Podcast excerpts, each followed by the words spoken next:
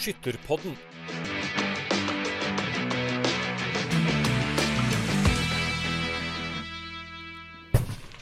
Kjære alle sammen, hjertelig velkommen til ny episode av Skytterpodden. Og i dag skal vi rett og slett eh, gjennomføre et ønske som har kommet inn, nemlig å ta for oss DFS sin historie. Vi synes jo selvfølgelig det var en fantastisk idé å snakke om ting som har skjedd. Det er jo noe vi vanligvis gjør og synes er veldig artig. Og eh, det er jo nok å ta i da, når vi skal se tilbake på de siste 130, eller kanskje 160 årene, skal vi kanskje heller si.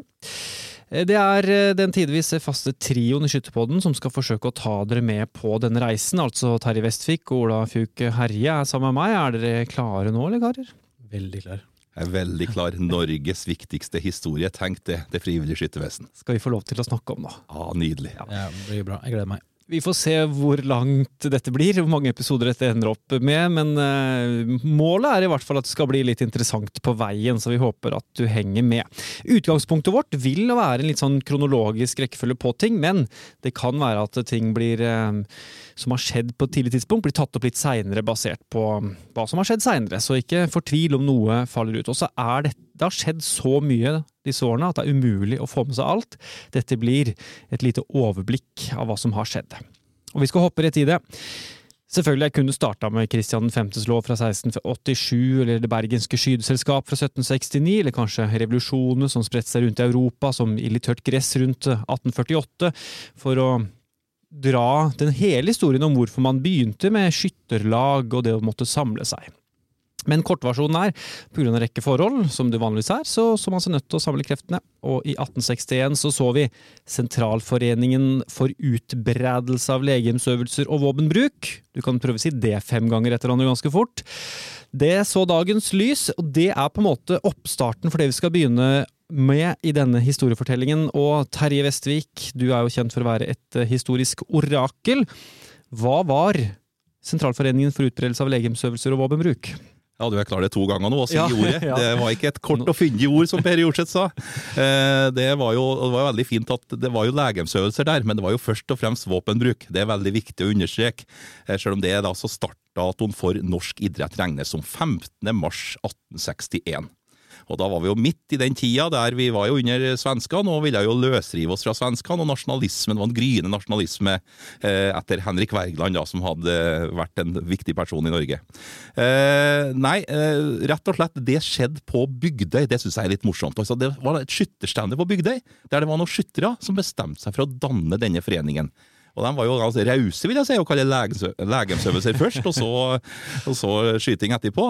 Eh, det kom jo selvfølgelig flere idretter, spesielt turn og skøyter, som kom etter hvert, men det er altså skyting som var først. Og når vi snakker om dette med nasjonalidretten, så kan vi absolutt også ta med det. Det var skytterne vi var før ski. Selv om folk gikk på ski, så var det når vi skulle organisere oss i idretten, da, så var det altså skytterne som måtte gå i bresjen for å danne denne organisasjonen. Så det var en, eh, en viktig dag i historien. Og når vi var i 2011, for eksempel, så feira jo Norges idrettsforbund da 150-årsjubileum med prakt og pram, og vi var, vi var ikke invitert engang, men eh, det var nå oss, da. Så skulle vi gjerne ha vært i det, men jo, det var vel noe sånn eh, greie at vi, vi ikke ville være sånn tungt inne i det og bruke mye penger på det som de gjorde. Men, eh, men det, det å være svært stolt av at det var skyttersporten som danna grunnlaget for norsk idrett. For det er jo det som vi sier i etterkant har blitt Norges idrettsforbund, rett og slett. Ja. Og så er det jo at det akkurat er våpen som har utgangspunkt. Er jo ikke helt unaturlig heller i 1861. Du sier. Vi var under Sverige, det var noe med fedreland, litt tanke på løsrivelse hadde begynt kanskje å spre seg her. Det er mange ting som er grunnen til at det er i 1861 dette skjer, og at det skjer med våpenbruk. Absolutt. Og når Stortinget da etablerte seg i 1863, så var det allerede gitt penger, statsbevilgninger til den organisasjonen. ikke sant? Og der var det skyteopplæring sto veldig viktig den at uh, norske gutter da skulle få skyteopplæring i skoleverket og sånn. ikke sant? Det var en start med hele bevegelsen. At vi har hatt statsstøtte da fra allerede fra 1863 og fram til i dag. Og det skjedde mye annet i 1861 også. Jeg måtte bare se det.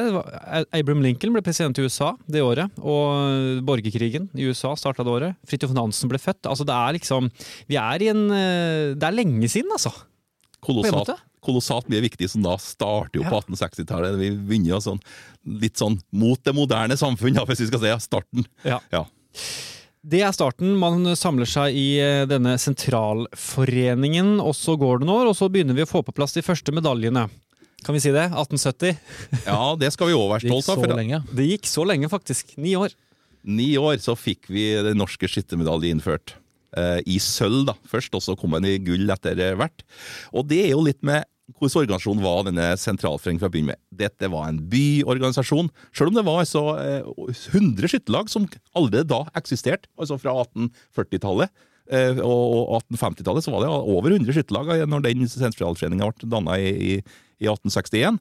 Og det var mye finere folk i byene da, som drev den organisasjonen. Og de likte jo å smykke seg med fine bekledninger og gjerne en medalje på, da, for å vise hvem de var. Så der ble det altså innført en sånn hedersmedalje. eller sånn, Hvis du kunne skyte basisferdigheter Jeg tror det var fem i snitt. Jeg. Du må ta på nidelt skive.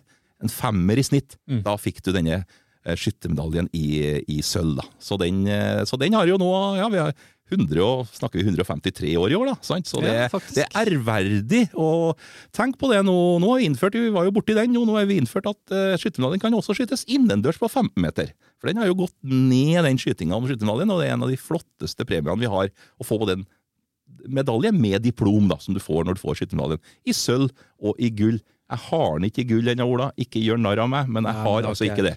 Du har ikke det, Ola? Nei. Ja, nei. Har du noe sølv, da? Ja, jeg har ikke prøvd så mange ganger heller, da. Du har prøvd flere ganger enn meg, kanskje. Ja, jeg har prøvd flere ganger. da ble det litt mobbing likevel. Og det, jeg må bare ta Kan jeg få ta kort der? Ja. At jeg ikke har den i gull. Ja. Vi har arrangert sjøl i Beistan.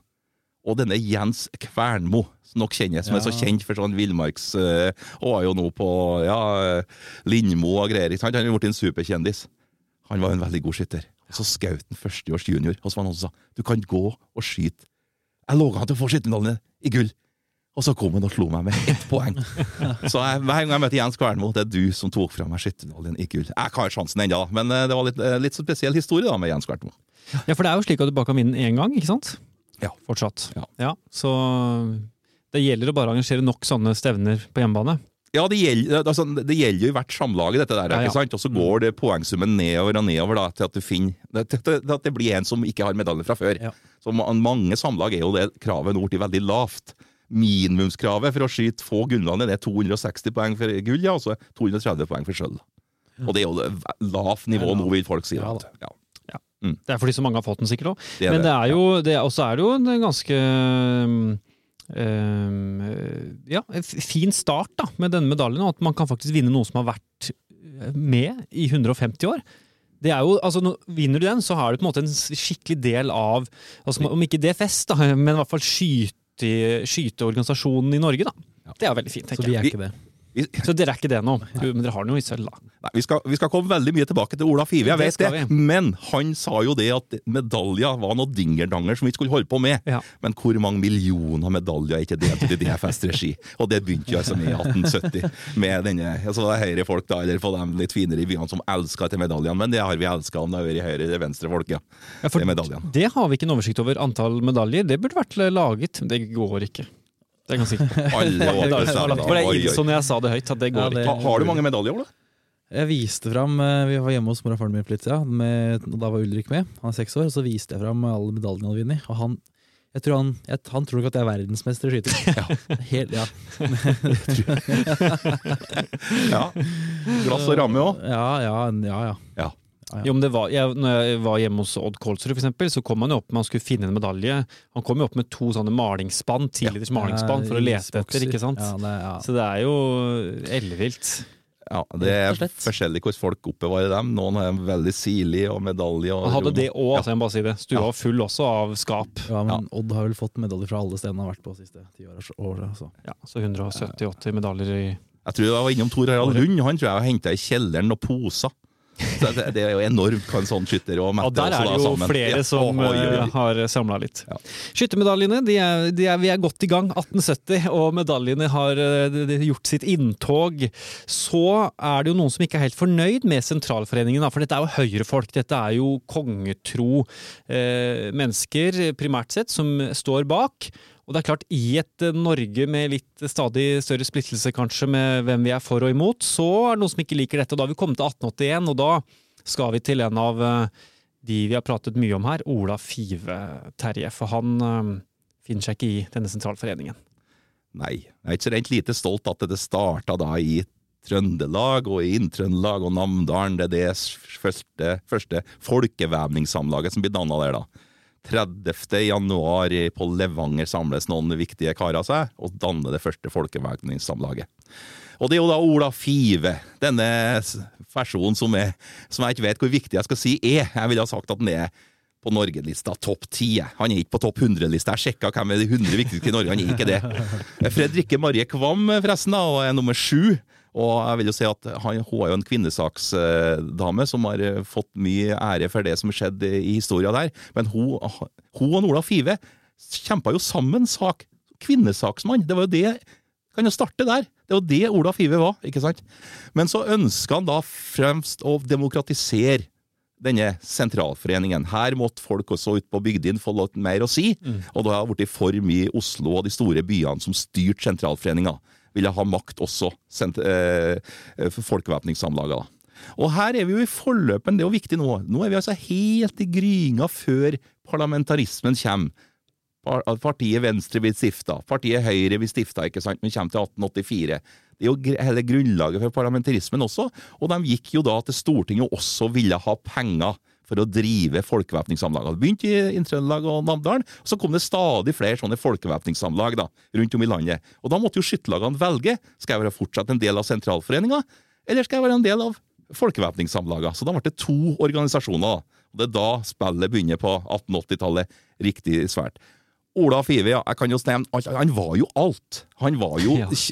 Han starta meieri, han starta avis, han starta dampskipsselskap, han var opptatt av eh, kvinnelig stemmerett, og han var opptatt av alt ikke sant, i samfunnet, og, og var jo en vi har kalt i dag en nettverksbygger av rang. ikke sant? Kjente jo alle i politikken, satt jo på Stortinget sjøl et par år, og har eh, folk i hele landet på en måte da, som en, eh, som en hadde kontakt med. Og var jo da forløperen også for å innføre dette landsskytterstevnet. Altså Før de frivillige skytterfestene starta, så fikk vi et landsskytterstevne første gang på Skarnes, ikke så langt unna her vi sitter i studio i Lillestrøm, i 1885. Mm. Og så fikk han det hjem, da, for han bodde i Kvam. Fikk det til Steinkjer i 1886. Og da gjorde han jo alt sjøl, som det står i protokollene.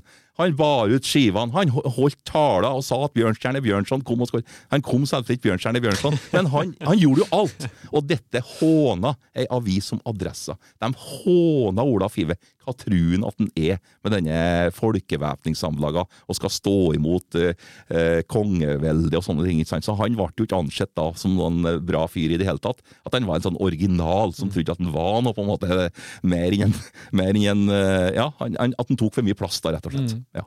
Men han, han, klarte jo å få støtte fra Stortinget? Absolutt. Så han, han, og det er jo en person, når man leser om ham, han har ikke sittet mye rolig. Han har ikke drikket mye kaffe i vinduskarmen hjemme på morgenen, tror jeg. Altså, det har vært eh, jobb fra morgen til kveld. Ja, det står jo en plass at uh, uansett hvor lang trappa var, så tok han trappa på to skritt. Han har okay. tida til å, til å, være i ei trapp. Han måtte liksom, så han, Du så bare skyggen av ham når du så Ola Five, ja. for han har så mye han skulle ha gjort. Så alt han rakk på i sitt liv da, en, Han levde jo da til, til 1930 og, og, ble født da i 1846. Og det han var men jeg, jeg er ikke på, det, han var, det var en enorm pedagog. Han var jo skolelærer i 30 år, helt fra Senja i nord til Kristiansand i sør. Og han har jo ideene sine på gamle filosofene Platon og Sokrates. Som du, altså han var en folketaler rett og slett også. da, ikke sant? Var ikke rart at han fikk med seg folk til å at det ble han som ble den første lederen også da, av Det frivillige skyttervesen når vi kommer så langt fram som i 1893. Det som er litt kjedelig for ham, er jo, som var en desentraliseringens mann, var jo at når skytterkontoret ble opprettet, og han tok innersvingen på Johan Hoff og ble skytterkontorets første sjef, så måtte han jo flytte til Oslo. Ja. Dessverre, for hans del. For, eh, dessverre for hans del. Og han, eh, han eh, han måtte flytte dit, og det skytterkontoret var lagt på Sankthanshaugen. Og han bodde på skytterkontoret, rett og slett. Ja. At det var i leiligheten hans som skytterkontoret var. Det hadde vært noe, Terje. Ja, det hadde vært noe. Jeg har vært og snusa på den, den, den, leiligheten der og tenkt at den skulle ha kjøpt, men han er ganske mange millioner nå for den som ligger så pent til på Sankthanshaugen. Absolutt. Det jeg syns er litt gøy, han var jo 35 år når han dannet dette folkevevningssamlaget, ja. og da det står dette var bygdeungdom. Ja. Så hvis bygdeungdom var 35 år, da er jeg fortsatt ungdom. Det er, veldig, det, er, det er, det jeg er mest fornøyd med egentlig, i den historien der. Men, uh, ja. Du syns svært om din navnebror, Ola. Du må være Ja. stolt av å hete Ola når jeg sier sånn. Hæ? jeg, jeg kalte på han, jeg. Ja, det kalte meg til. Ja. Både du og Ola Lunde er kalte ja, ja, faktisk. Ja. Alle skyttere burde hete Ola. Ja. Det er jo Ola Nordmann òg, da. ikke sant? Det er jo et eh, norsk godt navn. Det er ordentlig navn, det. Og ta, Jeg må bare ta, da, når vi snakker om Ola Five, eh, tragedien også, da. Altså fire barn, tre dør i difteri i Verdalen da i 1892. Akkurat rundt når Frivillig skyttervesen skal bli oppretta. Ja. Tre av fire unger i difteri, og flytter da til Kristiansand. Og det er da en sønn da som vokser opp, som heter Olav. Og etter Ola Fives død da i 1930, så velger denne Olav feil side, må jeg si, og ble en nazist og dømt for det. Og det tror jeg hele ettermælet også etter Ola Five, at sjøl om han, Ola ikke har i nærheten av noe sånne tanker, så blir det med det at sønnen hans ble nazist. Det, det har blitt noe, noe, noe som har eh, hengt ved Ola Five. At han ikke har fått den plassen i norsk historie som jeg mener at han burde ha fortjent. Ja, Det er veldig synd, eh, selvfølgelig, men eh, jeg føler at med Ola Five-skyting på Ellis innendørs og sånn, så, så begynner vi i hvert fall å få et eh, nærmere forhold til den gode gamle Ola Five igjen, i hvert fall. Det skjer jo mye, og vi skal snakke mer om Ola Five også etter hvert, for han er jo meget sentral helt fram til nærmest sin død. Men vi kan jo kjapt nevne at allerede i 1882 kom Norsk Skyttertidene, som vi jo kjenner en dag i dag, og som da har vært har 141-årsjubileum i år. Helt riktig. Det var mange da? 140. 4. oktober var Ja. første utgaven i Ja, husker jeg rett. Jeg klarer Ja. å telle rett, og faktisk. Ja. Ja, Ja. så det er jo så ganske nylig, rett og slett, at de har hatt 141-årsjubileum. En veldig viktig, altså I dag så er det jo uh, spennende å lese skyttertiden. Den gang var det jo viktig også, for å få informasjon, det var referater, det var resultater. altså Det hadde jo en helt annen funksjon i starten. Folk diskuterte det kanskje i større grad med leserinnlegg og sånne ting. Det vært en veldig viktig, vært utrolig viktig for DFS. Ja, det var. Det var jo rett og slett et politisk organ. ikke Ja. sant? Det var jo det, det var jo politikk. Det var ikke noe fra skytterstevna, Fra landsdelsstevnet så var det hvert ord som ble sagt på et skytterting. Det sto, Alle talene sto gjengitt i skyttertidene. Mm. Resultatet fra landsdelsstevnet kom sånn tre måneder etterpå. Ja, ja, det er veldig Så det var, men uh, ordene som ble sagt på skyttertinget, de ble veid på gullvekt. altså. Ja, altså artig å lese sånne gamle skyttertidene. Det har vel du gjort, Ola, som har lest, studert dette her. Men det er jo eksempel i 1893, da, når DFS uh, måtte måte ble, ble stiftet. Det første skyttertiden etter der, så er det først noen eh, sånne ting fra Vestfold eh, om et eller annet. Så kommer liksom dette, ble, dette skjedde på Skyttertinget. Her er på en måte eh, bestemmelsen om at DFS ble oppretta. Det var ikke sånn overskrift, liksom. Nå er vi i gang. Det var en del av alt det andre som skjedde på en eller annen måte. Utrolig fascinerende å lese, altså. Ja. Men alt det ligger ute på Nasjonalbiblioteket. Ja. Mer eller mindre, i hvert fall. Eh, Det er, finner ikke absolutt alle der. Men Nei, det er noen eh, høl der, det. er noen høl. Kom det ut en gang i uka så tidlig? Terje? Ja, Kom ut en gang i uka, ikke sant. Så det var jo var driftig, de første redaktørene der, til å drive det bladet der. ja. Og det var, det var veldig mye politikk. Så det er veldig interessant å lese, da. Selv om det i den første utgaven er litt sånn tung å lese, noen eh, ja. språket. Ja. Ja. Jeg tror det står noe sånt om at målet er at det skal komme ut en gang i uka. Så får vi se. Det er litt der, tror jeg, vi er ved ordlyden på, i starten. Ja, det er greit for mye, da. Det er veldig bra, det. Så imponerende. Når skyttertidene vært grunnlaget for mye av det som skjer, så kommer vi jo til 1884. Vi må raskt innom det. Du nevnte det så vidt. Parlamentarismen, det er en riksrettssak her. Vi har høyre mot venstre. Altså, det begynner å røre seg ting i samfunnet som er veldig viktig. Ja. Da får vi altså riksrettssaken i 1884, og én av tre element i den saken var at regjeringa Selmer nekta å utbetale statsbidrag til det frivillige skyttervesen, eller til folkevæpningssamlagene. For han er nå det er ikke blitt noe frivillig skyttervesen ennå. Eh, mens de da ga til sentralforeningen, og de skytterlagene som var i sentralforeningen da. Og dette var jo regjeringen Selmer, Høyre selvfølgelig da, som så på den organisasjonen som en bondehær, ikke sant, imot eh, regjeringa, eh, og, og frykta det som ville skje i, i forhold til unionsoppløsning mot Sverige, og det som var liksom kampen, eller den forsvarstanken. da. For dette, Sentralforeninga var jo først og fremst en sportsorganisasjon overfor jegere og sånne ting. Det var ikke så mye i forhold til kampen mot, eller å løsrive med nasjonalismen, det var folkevæpningssamlaga. Så det var nesten en sånn indre bonde her, som de frykta. Men Stortinget hadde jo bevilga penger! Og så nekta regjeringa. Ja, hva skjer da? Jo, da blir dette parlamentariske prinsipp, kommer det. All makt i denne sal. Johan Sverdrup. Så regjeringa fikk en raptus på det, og ble dømt til riksrett fordi at de nekta å betale ut. Og fra da, 1884, så fikk begge foreningene da utbetalt eh, penger, statstilskudd. Men Stortinget da bestemte at nå må vi gjøre noe med de to organisasjonene. De må slås sammen på en eller annen måte. Så da ble det satt ned et utredningsarbeid da, som varer helt fram til 1892. Ja, 30. juli, da Det frivillige skyttervesen, altså Stortinget, eh, godkjent å opprette Det frivillige skyttervesen fra 1. juli 1893. Og da er det litt som med språkbruken, for nå sa du vi ble stifta i 1893. Det var det jeg sa. Jeg Ja, men, men, og, og det kan være også veldig god bruk, men vi er jo en frivillig organisasjon oppretta av Stortinget. Men det er klart, vi var ikke oppretta før Skyttertinget hadde vedtatt det. Det første samlinga er under landsstevnet i 1893 i, i eh, Kristiansund, ja, som var 5. juli. Mm. Så da er DFS rett og slett en organisasjon. eh, Slått sammen av to. Ja. Og den nå, da, 130 år lange historien, er i gang. Mm. Til det som er den organisasjonen vi kjenner i dag. Eh, Vi får jo også da det første landsskytterstevnet, som det for øvrig ikke heter på det tidspunktet. Det heter jo landsskytterfester, i hvert fall de før. Sy- ja. Syns det var et fantastisk ord, da, Ole. Ja, det- det festen? Det er det vi har i dag òg. Ja, det burde vært det. Vi må ta tilbake det. Ja, det var landsskytterfesten, og det var også landsskytterstyret. Nå er det Norges skytterstyre. Ja, er det Norges skytterforbund? Er det sant? Landsskytterstyret, det kunne det hett i dag òg. Det var helt betegnende. Det var liksom dem som styra landsskytterstevnet. Nei, vi hadde i ti år, ja. Vi Det- hadde det. ja. eh, Før det ble i 1904. Hvor vi fikk det navnet. Ja. Det er jo da slik at den første kongen, vi må bare begynne å nevne det, for LS har jo en veldig stor del av DFS eh, med DFS å gjøre, selvfølgelig, og har jo drevet fram en del endringer også i DFS, uten tvil. Og det er jo da Christian Theodor Østern fra Kristiania skytterlag, da, som blir den første vinner. Eh, Så han var jo hovedstadsgutt. Og børsemaker, sjef. Det var veldig mye børsemakere Beste børsa til seg sjæl. Ja, så det, vi Eller bøsse, som det ble skrevet, Bøsse. faktisk. I, som, var ord, som det ble skrevet ordmessig. Det er en del børsmakere som har vunnet. Ja, jeg syns vi var tilbake til kjernen igjen da Hans Christian Wehr vant i 2012. Ja, ja, ja, Da var vi liksom der vi skulle være. Ja. Vi eh, har fått opprettet DFS. Litt artig egentlig, Olav Five, da. Fordi han, eh, han var jo en, han var ikke så glad i Sentralforeningen, det har vi jo skjønt. Men og ingen av de blir invitert til det første styremøtet i Kristiansund i 1893. Det var jo til hendig uhell, da. Han glemte, Han, han glemte ja, ja. Det Ja. er ikke så verst. glemte i hermetegn. Mye man skal huske, vet du. Så, så det som skjedde, var jo at eh, departementet godkjente jo ikke opprettelsen Nettopp. eh, det vedtaket. Så det ble først i 1894, landslagsstevnet i Skien, at det vedtaket kom endelig, da.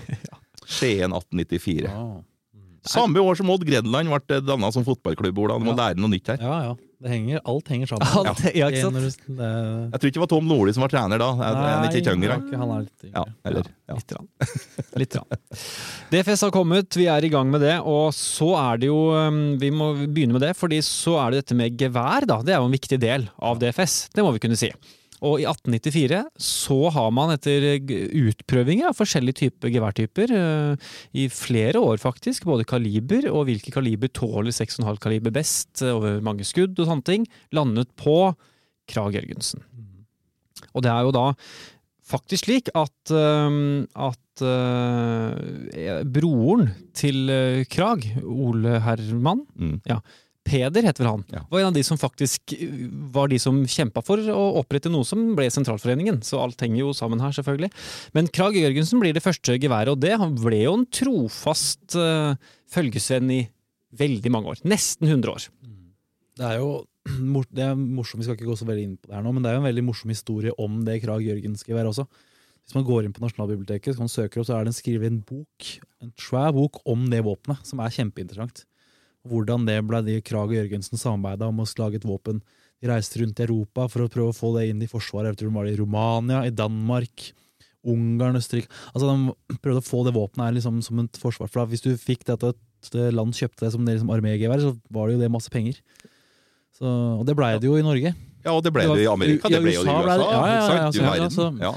Så at, um, og, og jeg tenker at det- med Hvis du ser litt framover også, at kanskje noe av det som jeg tenker at gjorde at DFS har sånn, hadde sånn, ble så stort da, framover, var det at det var et våpen som var masseprodusert, som alle hadde. Mm. Alle hadde tilgang på et Krag Jørgensen, så det var jo bare å ta med seg den på skytebanen.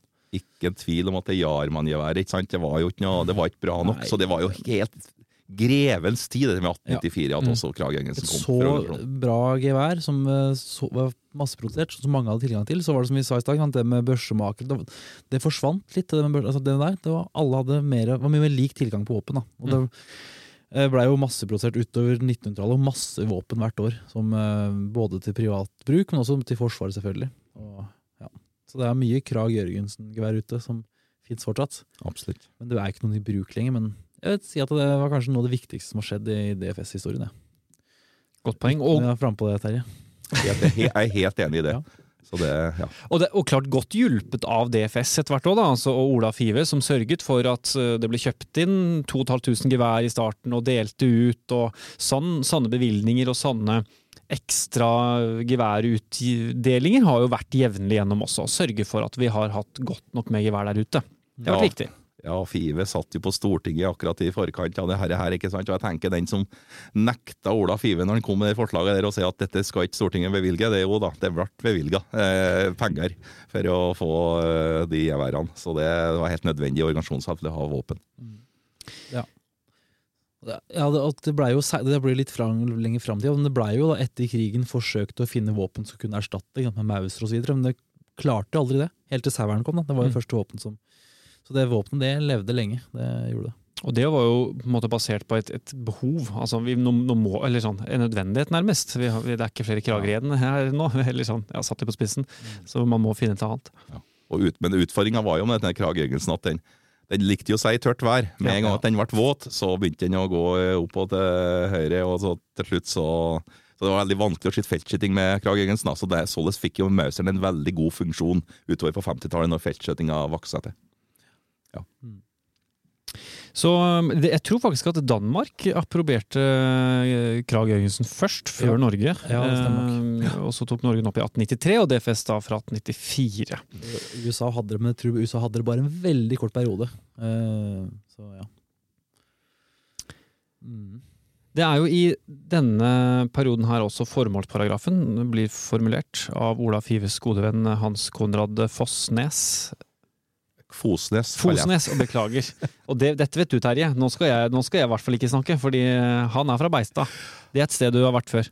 Ja, det er liksom der jeg vokste opp, da. Selv om jeg har bodd mye i Oslo nå i Trondheim. Men ja, Hans Konrad Fosnes var han som førte den første formålsparagrafen i Penja. Og Hans Konrad Fosnes og Ola Five, da, som ikke bodde så langt unna hverandre. Five i Kvam og Fosnes på Veistad. De var jo, de var jo gode venner, og begge venstremenn. Og Fosnes på tinget og var jo til og med landbruksminister i to år. Og, og han var jo en veldig sånn sterk personlighet, han òg. Lærer og ordfører og har jo masse roller, Fosnes. Men det var altså han som klarte å få denne første formålsparagrafen, det med å- at vi skulle lære det norske folk eh, å, å skyte, på en måte, da, til, til det beste for landets forsvar, for å ta en kortversjon av den første formålsparagrafen.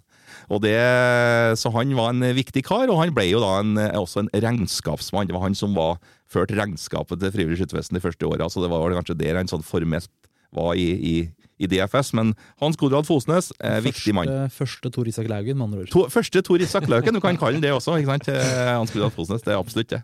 Så, men han òg var jo borti alt i verden, og når jeg da går ut på Kjerkgården like ved der jeg har hytta mi på Beistan, så er det litt betegnende at der er det altså statuen etter Hans Konrad Fosnes. Det var altså Beitstad ungdomslag som eh, da setter opp.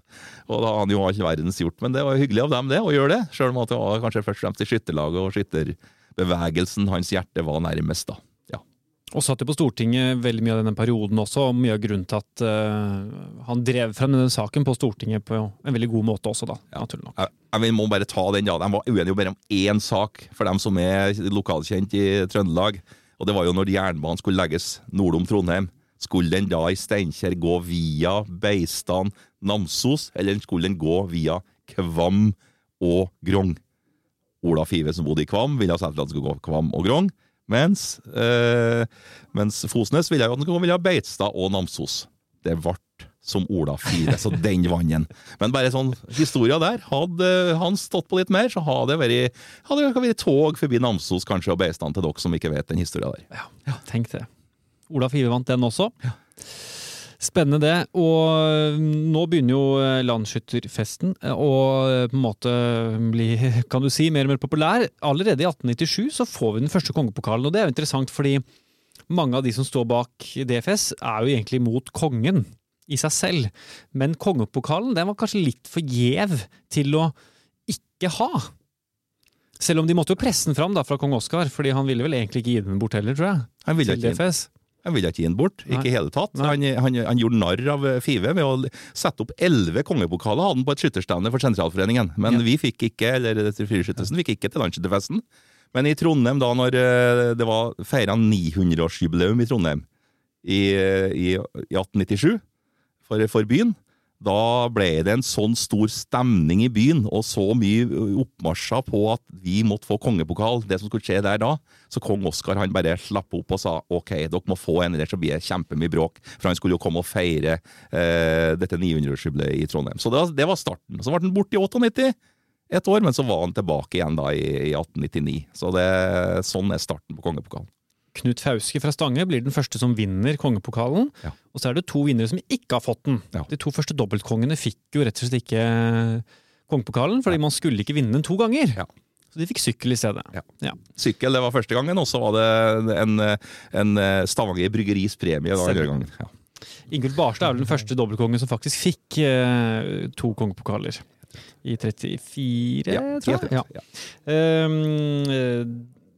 Eh, I forbindelse med at kong Harald ble konge, så skulle man jo bare for å ta den, så skulle man jo skjære litt ned på antall kongepokaler og alt sånt. Og da endte man jo opp egentlig med å kutte den store, altså med lokk.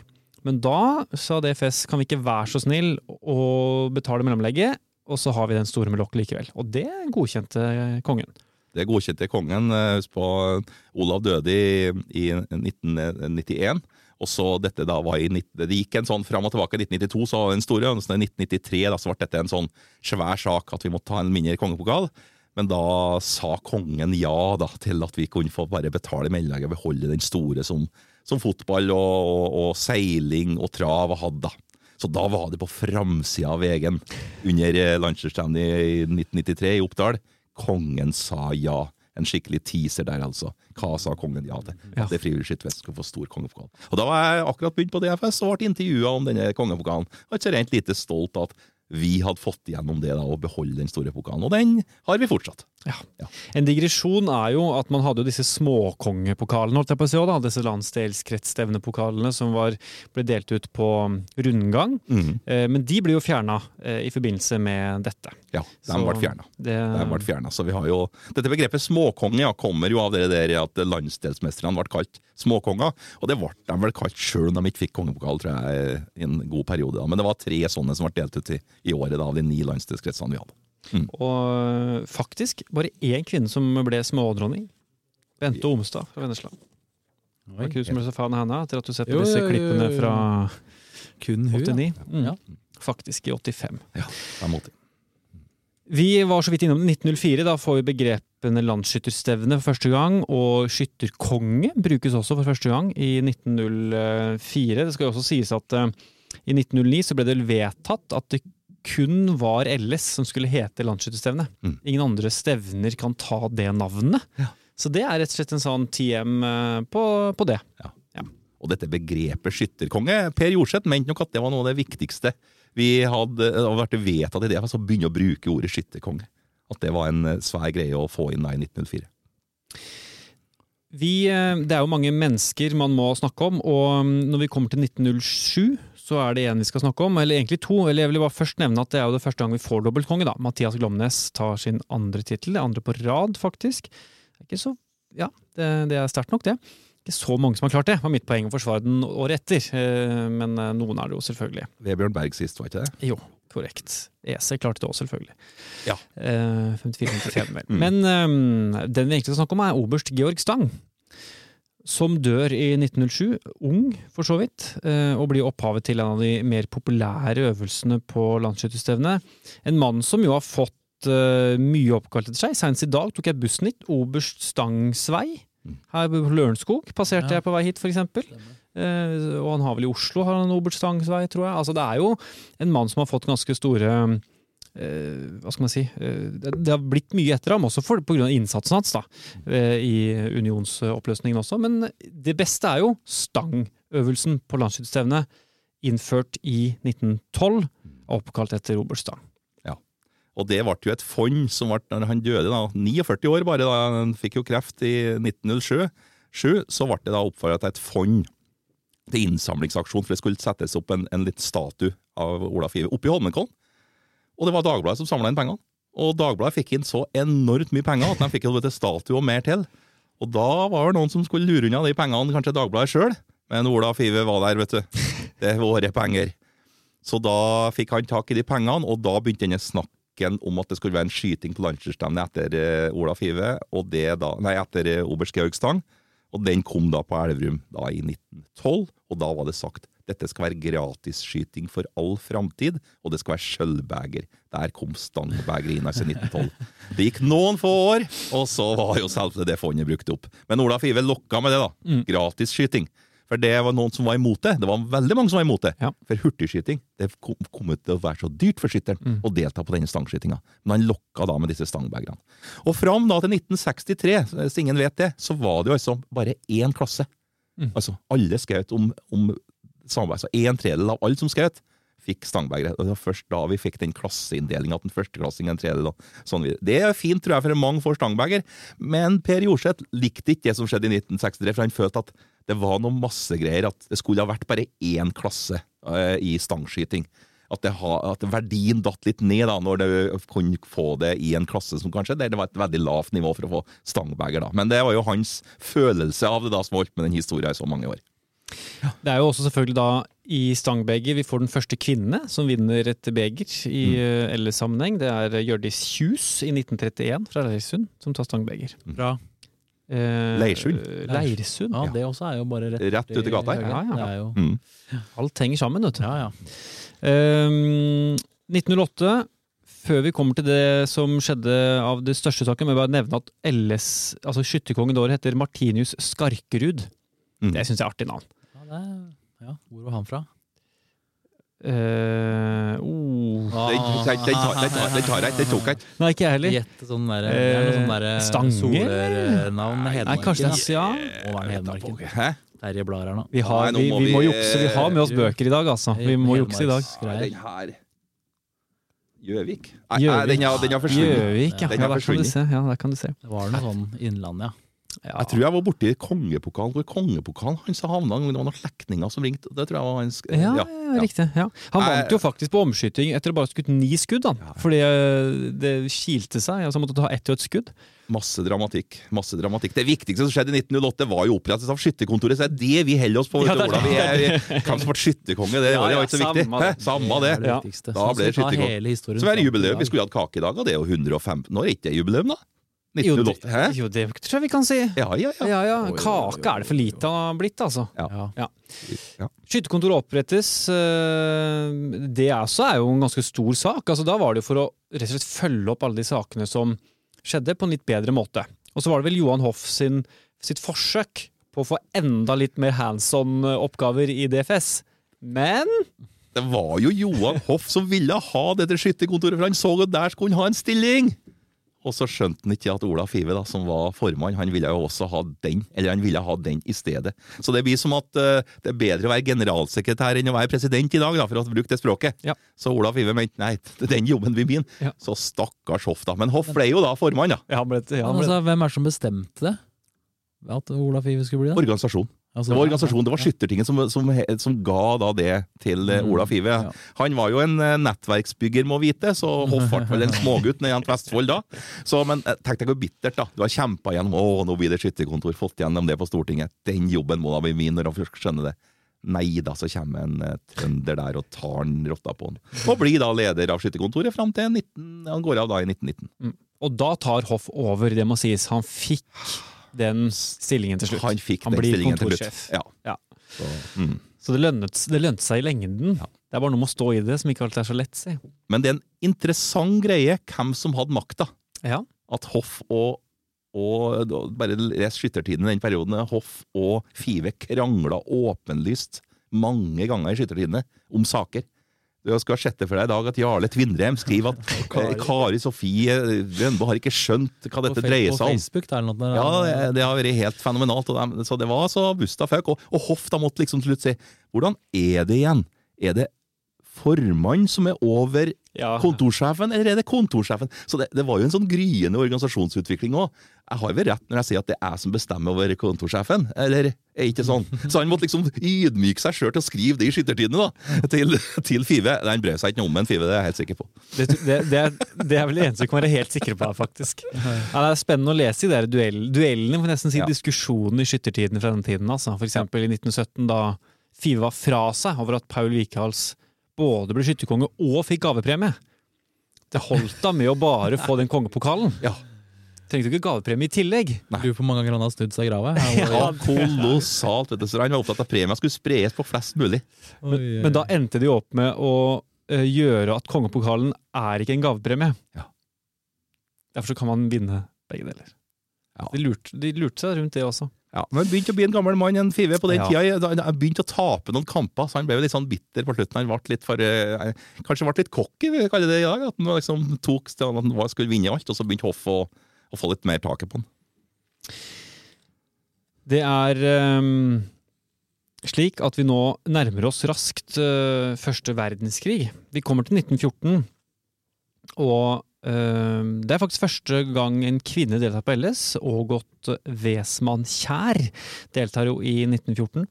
Ehm, Norge er jo nøytralt under første verdenskrig, som jo gjør at LS eksempel arrangeres jo i disse årene på, mm, eh, på vanlig måte. Men er det mulig å si noe om hvordan første verdenskrig påvirket DFS-organisasjonen? Jeg mener, her har det jo bygd seg opp for å være et fedrelandsforsvar. Mm. Det blei jo veldig mange flere skyttere i den perioden. da, En veldig kort periode der. Eh, jeg har ikke tallet akkurat i huet, men medlemstallene og sånn gikk veldig mye opp eh, under krigen, og spesielt etter eh, første verdenskrig. Mm. Før det gikk andre veien, som jeg kommer inn på etterpå. Ja, Det var jo et veldig spesiell stemning. Jeg sa det i år når vi var på Voss, for det var jo så mye prominenser. Vi har jo tre ministre på besøk. Sist gang det har vært så mye prominenser på et landslagsstevne, litt for at det var i Oslo landslagsstevne også tidlig i juli 1914, og den internasjonale situasjonen var jo som den var. Kongen til stede, da, eh, Håkon i, i, i Oslo, for det var klart det var nært også. men men det var noe med den stemningen. Organisasjon, det frivillige skyttervesen. Hva skal vi bruke den til? på en måte Som vi føler også i dag, da, at vi blir mer aktuelle. Sånn, ikke sant? Så jeg håper virkelig ikke at det vil like før en verdenskrig, når det kommer så mye prominense på landslagsstevnet, at det er det som gjelder. Men altså, det er noe med at organisasjonen ble sett på som veldig viktig. altså Det som foregikk på landslagsstevnet, det måtte holdes øye med. da. Altså Det var jo et eh, vell av eh, prominenser som da var på landslagsstevnet i 1914. Ja, For da var vel også statsministeren der? Ja, ja, ja. Det er jo første gang både kong og statsminister har vært der. Ikke sant? Det, men jeg tenker jo at situasjonen er jo egentlig ganske lik i dag, for der var det jo en krig i Europa tett på Norge, Mm. som det jo også er nå. Mm. Så sånn sett er jo parallellen forholdsvis lik. Vi er ikke direkte involvert, men vi ser hvor viktig det er med forhøyet beredskap og hele den biten der. Mm. Så det er første verdenskrig. eh, Ting går noenlunde så normalt, og så havner vi i eh, eh, den perioden mellom de to verdenskrigene. Og vi skal avslutte den bolken med å gå liksom enda tydeligere inn på mellomkrigstiden, hva det har å si opp mot andre verdenskrig. Eh, Så Ola sitter bare og, han sitter egentlig og brenner inne med det, for det er det som liksom er hans, det er hans ekspertise, bokstavelig talt, faktisk. Det kommer vi tilbake til. Men før det så eh, er det jo allerede på dette tidspunktet innført en del pokaler på LS, så det kom jo en del i denne perioden rett etter første verdenskrig. Vi har snakket om kongepokalen, som kom i 1907, eh, 1897, mener jeg. og vi har jo eh, Beste ungdomsskytter, ble innført i 1899, eh, som i dag heter IKM-fatet fra 2014. Eh, Hagens Krus het jo den gangen, eh, som da skulle være for den beste skytter under 22 år, var det jo den gangen, da. Mm, -hmm. Eh, For det han med vernepliktig alder, Ja. det var det det var. Mhm. og det er jo altså da fem stykk som har vunnet både det og kongetittel samme år. Eh, Henrik eh, Anshushaug i 1901. Ottar Rødegård i 1926. Tor Harald Lund 1987, Kristoffer Sandvold 2002 og Knut Erik Svarstad 2011. Liten sånn digresjon på Ottar Ødegård fra Oslo. Kanskje en av de med kulest navn, fordi han flytta til Canada, eller emigrerte til Canada på slutten av 20-tallet, og tok navnet Earl Young. det ikke veldig gøy. Det er ikke veldig nært Ottar Ødegård, i hvert fall. Jeg lurer på hvordan han kom fram til det. Lurt, det har jeg lurt på. Jeg burde kjørt eh, Nei, jeg går videre. Jeg Ja, ja, da. vits her. Han besøkte i hvert fall Ellis på Steinkjer i 1987, for eksempel. Det gjorde han, så helt riktig. Oh. Han, eh, you, are a, you are a bunch of lucky guys, sa han. Han skrev i Skyttertiden etterpå at vi var så heldige som hadde en sånn organisasjon og fikk lov til å drive det frivillige skyttervesen på en så fin og fikk statsstøtte osv. Så, videre. så han, han sa noe sånt. You are a bunch of lucky guys. Ehm, nå er det jo 20 år, som jo er eh, beste skytter i klasse 35, eh, som vinner da dette IKM-fatet. Ehm, så, i 1924, så kommer offiserspokalen. Offiserpokal 1, ja. Nettopp. Ja. Eh, og det eh, skjer store ting der i 1929. For da kommer denne store vandrepokalen, som man kan vinne etter tre napp. Den første, den første pokalen vet du, den, eh, den skulle gå bare fem år. Ja. Den var en eh, svær omskyting med da i, i, i 1928, eh, 50-året. Det var en hel gjeng som skjøt om. Som var, det, det var liksom de tre beste grunnlagene da, i de fem åra, og så skulle de ha en omskyting. Så den, eh, den eh, var Herman Kjærås som vant, ja, Andebu som eh, vant den første pokalen. Så det finnes én som har gått ut, det er ikke mange som vet. Men så kom altså dette fantastiske trofeet som, vi, som ble satt opp da av eh, Hærens fastlønte offisersforbund, og lang tittel der også. Og som vi har hatt siden, vi, vi, vi prøvde å lete etter hvem som var giveren her noen år siden, for det er jo befalsorganisasjonene har jo blitt delt opp i mange ganger siden da. Ja, det er så nydelig et trofé, og det er så fantastisk at det har gått da fra 1929, og går fortsatt i dag. Og jeg ser det boka vi skrev i 2013, der antyder at den ville gå også i 2029, og har fortsatt orda i behold. Da Ja. kommer vi 100 år, da. Du har fortsatt ordene dine i behold. Aller først, for dem som ikke nødvendigvis tar dette her på sånn umiddelbart hodet, så er det dette- denne store, høye pokalen, som er en sånn svær ball, st blir støttende opp av tre eh, støtter ned på en liten flate i bunnen, med en eh, skytter i knestående stilling på toppen. Er det ikke det? Ja, og det er en sånn bjørn, det er en bjørn under som viser litt til jakt, og så er det gevær den blir støtta på. da. En halv meter høy. Ja. Og nå er det jo litt sånn Wimbledon-taktig over. Folk får ikke den med seg hjem. De får bare kjenne på den på landstevnet. Vi tar den med oss på skytterkontoret og oppbevarer den der eh, mellom årene. Og den, Det er jo, ja, Ja. for det jeg skulle si var at du, du håper at den holder til 2029. Det er jo to aktive skyttere som har to napp i den. Hvis de vinner Dette er jo da å vinne tiskudden, da. Mm. Eh, hvis det er en av de vinner før det, så har de per definisjon vunnet den til odel og eie. Det er Tor Erik Fossli og Kim Andre Onsdalund. Helt riktig. Så de tenker nok på det når de skyter dette grunnlaget hvert år. Det er det du håper på, for da kommer de ikke til å klare det hvis de tenker på det. Ja, og, Men du kan si noe med fantastiske skyttere. Tor Erik kanskje litt over middagshøyden, Kim er fortsatt midt i. Men du kan si eh, likevel at det er så krevende å ha noe kontroll på å vinne den, når du må ha 100 med 7, 8 og 9 innertiere. Ingen er så god. Så det, det, det var litt lettere før, bare at det var bare god, så kunne du faktisk være god nok. Men nå er det så mange. Det er en eller annen som klumper til, vet du. En eller annen som klumper til og så tar han. Så det, det, det skal godt gjøres å vinne den tre ganger, men eh, vi får se, da. Vi får se. Det er jo mange som har prøvd. Uh, Den store Lars Ese klarte det bare, bare i gåseøynene to ganger, Ja. for eksempel. Ja. Så um, vi får se. Dagfinn Johnsen var først som klarte 100 poeng tilbake i 1988. Uh, og etter det så har jeg skutt mye 100 poeng, si det Eh. Det er stort sett 100 poeng. Det var, det, var det, ja, det var Arne Engevik som var den siste med 99, mener jeg, som vant vann, offiserpokalen. Men, uh, men nå er jo sånn praktisk problem. De breia jo seg sånn med navnene. De eh, kjørte jo på med lange, store navn og skytterlag. lag, Det er jo ikke plass. Så vi, det er jo graveringsutfordringer nå, ikke sant. Så vi har jo måttet innført tiltak der òg. Ja. Det var offiserspokalen, en pokal som innføres året etter. er Normapokalen. altså beste skytter eh, over 50 år, som det var fram til 1960.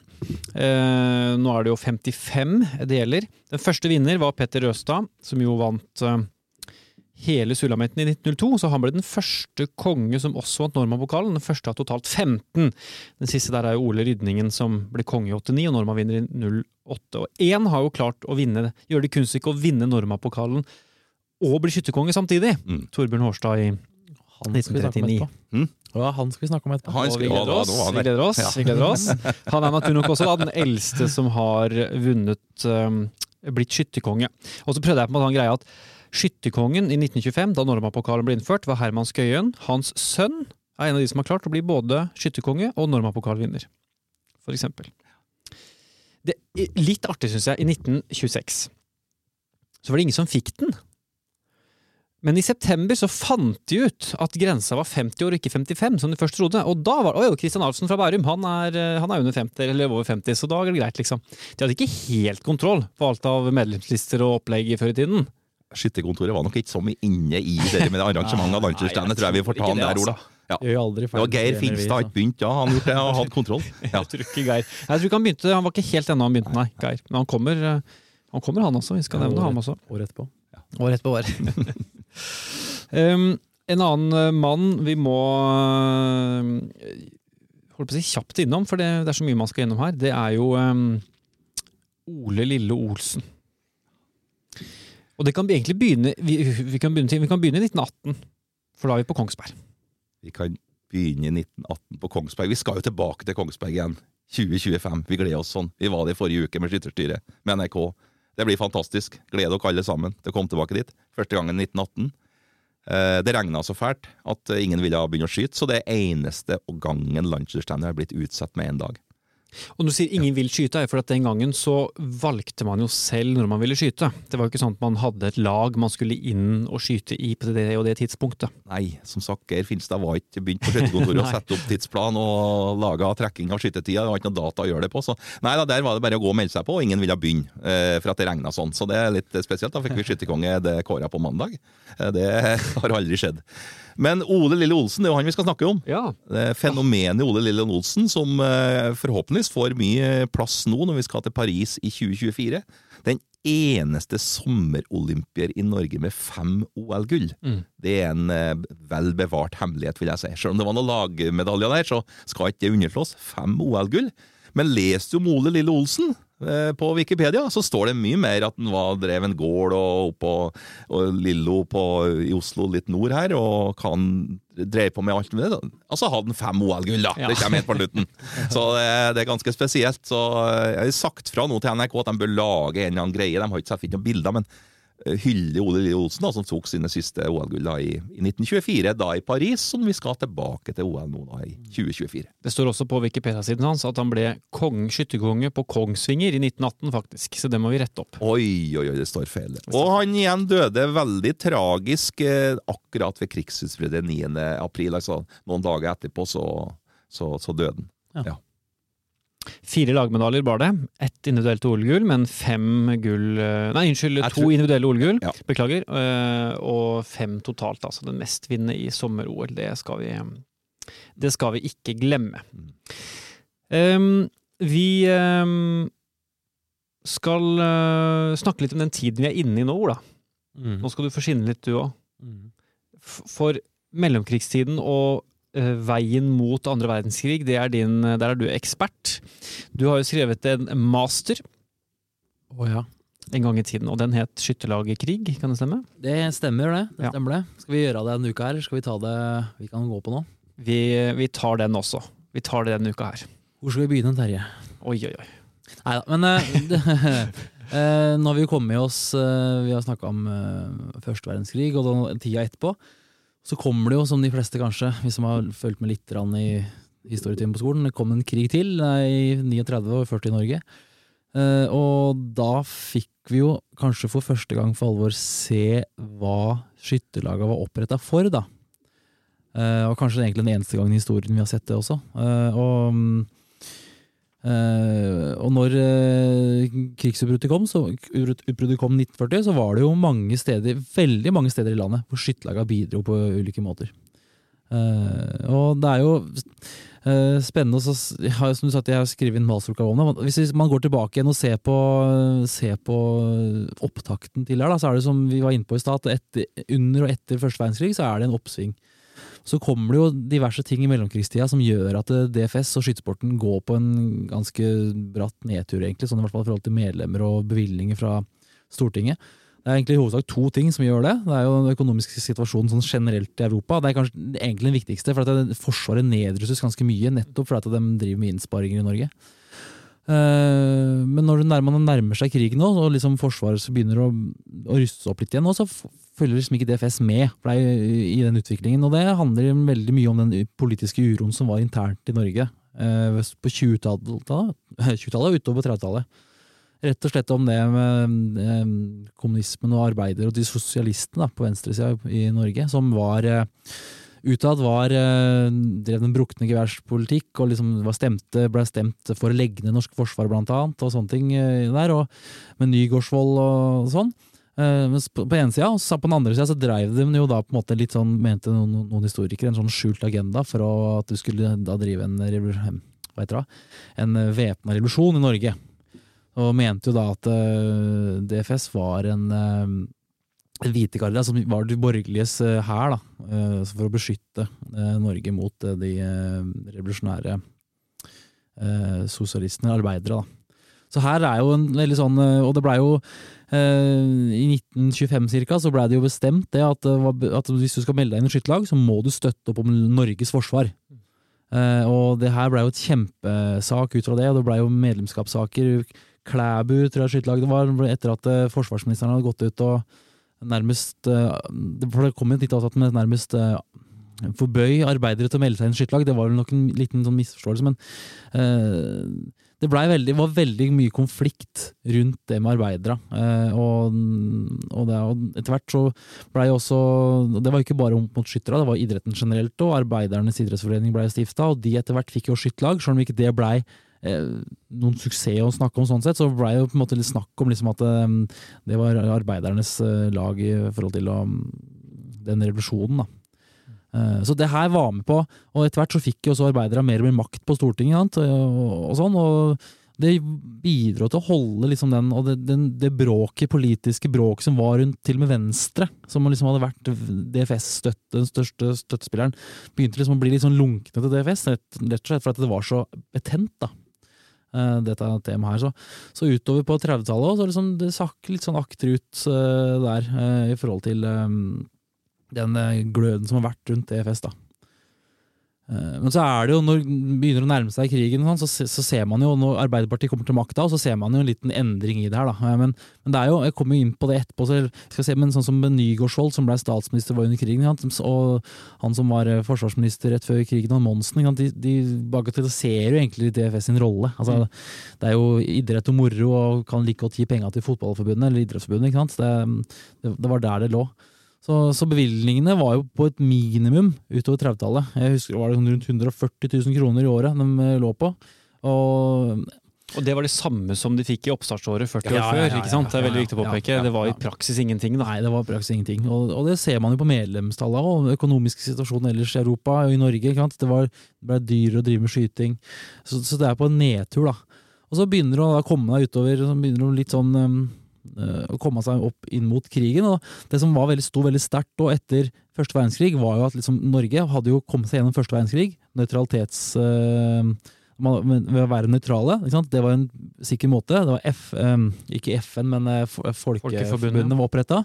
Så de, som kom til makta, hadde veldig trua på at Norge skulle klare, vi skal klare oss med et nøytralitetsvern også. Under en eventuelt kommende krig nå. Og det var det som ble satt alle penga inn på også utover 30-tallet. At det liksom skulle være nøytralitetsvern, og at DFS der hadde ikke så mye rolle, egentlig, så det var ikke så viktig med dem. Eh, Men så smeller det etter hvert, da. 1939. Polen invaderes. Vi kommer til vinteren 1940. Finland Finland på den tida hadde det som ble regnet som det største skyttervesenet i verden, med masse skytterlag.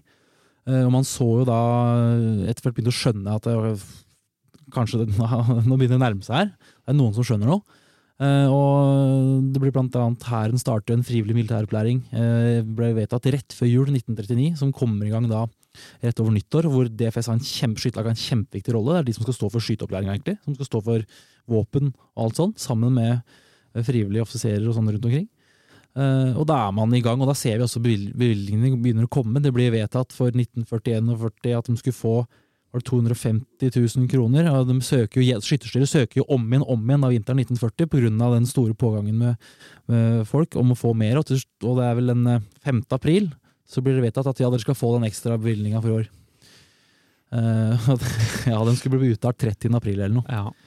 Vi ser jo den ut, altså når, når krigen begynner å nærme seg, og spesielt det med vinterkrigen i Finland, når man ser det, og når, når Norge begynner å skjønne det, var jo kong, eller kronprins eh, Olav som var liksom høyeste beskytteren, eller som leda den hærens frivillige militærplæring. Det her ble, ble kjempestort, altså. Eh, Det ble stifta 119 nye skytterlag etter 1. januar, 1940, fram til krigen begynte. Eh, Antall medlemmer økte fra 43 000 til 73 000. Mm. Eh, og det var virkelig Og det, og det her på tross av nærmest at de hadde ikke penger. Du kan lese utover vinteren at de, at de skytterfeltet jobba for å få mer penger, for de hadde ikke nok penger. Det var mange steder de ikke fikk gjort det, for de hadde ikke nok våpen og sånne ting.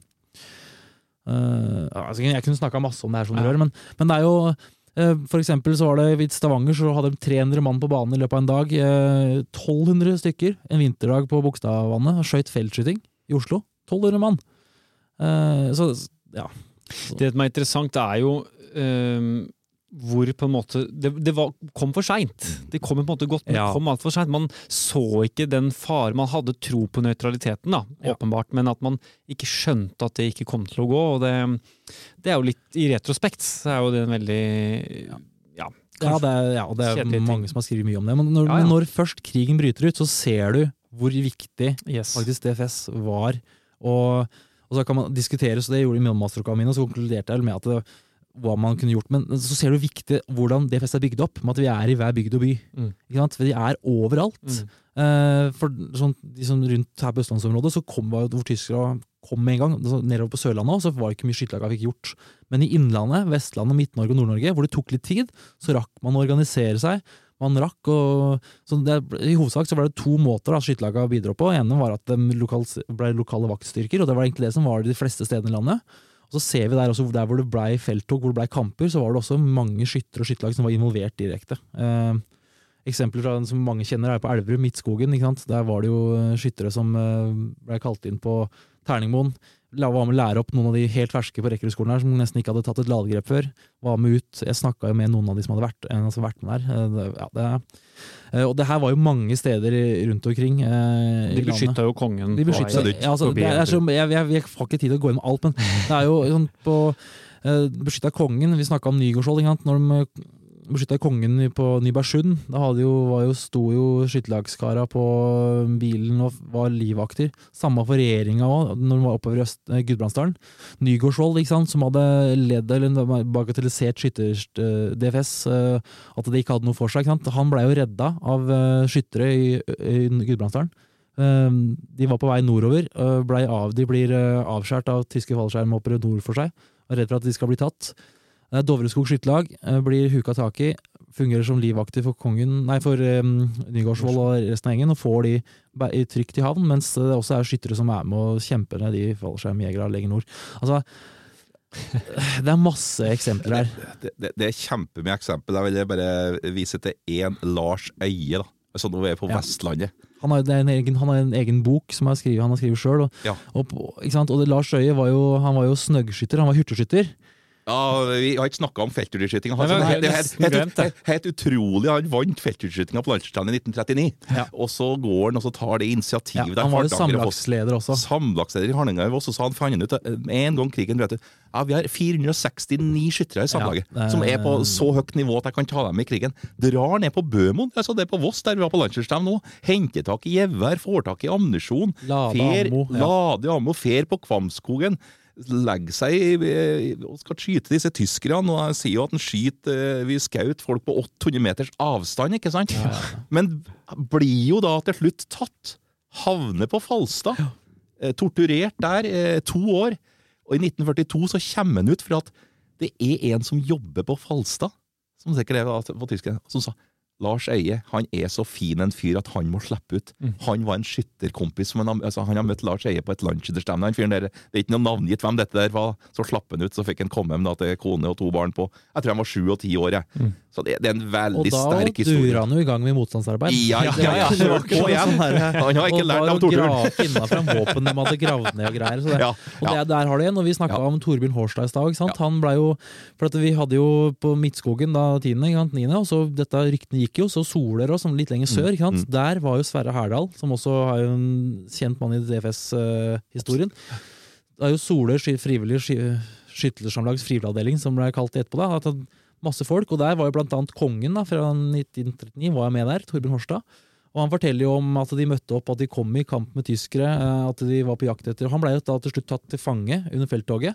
Var borte, kom, eh, havna på Han ene skytterlagskaren som han var sammen med, Han eh, klarte å rømme under eh, flere skuddsalver fra tyskere, mens, eh, mens Torbjørn Horstad klarte ikke å rømme, men havna til slutt på, Hamar, på sykehus på Hamar. Og slapp komme ut derfra da ut i mai-juni. Og han kunne jo fortelle etterpå at det var i hvert fall husker jeg ikke hvor, men det var mange, flere ganger i løpet av den perioden hvor han hadde blitt stelt opp for at det skulle bli henretta. Hvor de bare hadde, ikke hadde gjort det. Torbjørn Hårstad, den eldste skytterkongen vår. Så må vi ta med i sommeren. 50 år. 50 år og to måneder. Ja, altså, han Ja. ble jo det i 39, altså Ja. skytterkongen og vinneren av felttur til de går i krigen, altså, Ja. året etterpå. Ja, Skytterkongen 1936, Oskar Espelund, eh, havnet jo pga. arbeidet eh, i Milorg, da. Havnet jo i Saksnausen og døde jo tragisk der, eh, faktisk også. Så det sier litt. Og så tenker jeg jo, du snakket om Finland, da, som var en veldig stor skytternasjon på den tida. Så godt de holdt mot store Russland, viser jo hvor viktig DFS-modellen er, da. For å forsvare seg. Ja, også, ja, det, ja, det er jo noe med det også. Og så er det jo mange historikere som har sett på liksom, kunne Norge, hvis man var bedre organisert, klart seg lenger, sendt tyskere hjem igjen, men de fleste konkluderer med at det, Tyskland i 1940 var verdens største eh, militærmakt. Altså, de hadde jo mer, hvis, hvis, man kan jo faktisk si sånn at hvis DFS hadde vært bedre organisert med flere folk, så kunne det blitt et enda større blodbad enn det Ja. var. da, For at Ja. tyskerne ville vinne til slutt uansett.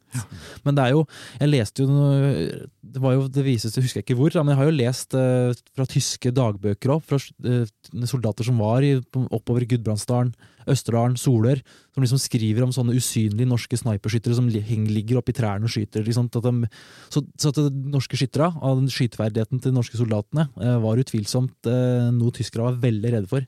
Og det er jo er det selvfølgelig eh, hadde DFS var det DFS grunn til det? Og vi skal inn på skyteavstander uh, i det som blir eh, neste episode, for vi rekker ikke å snakke om det i denne episoden. Men, men det er jo noe med altså, De var gode på avstand òg den gangen, Ja, ja, ja, så det var ikke Det nærkamp nødvendigvis de var best på. Uh, Så ja. Så hva skal jeg si, ja? At, at det var veldig mange det, på ulike måter skytterlag og enkeltpersoner som var skyttere, som møtte opp og gjorde en veldig innsats under, eh, under krigen. Og, og det var jo Ja.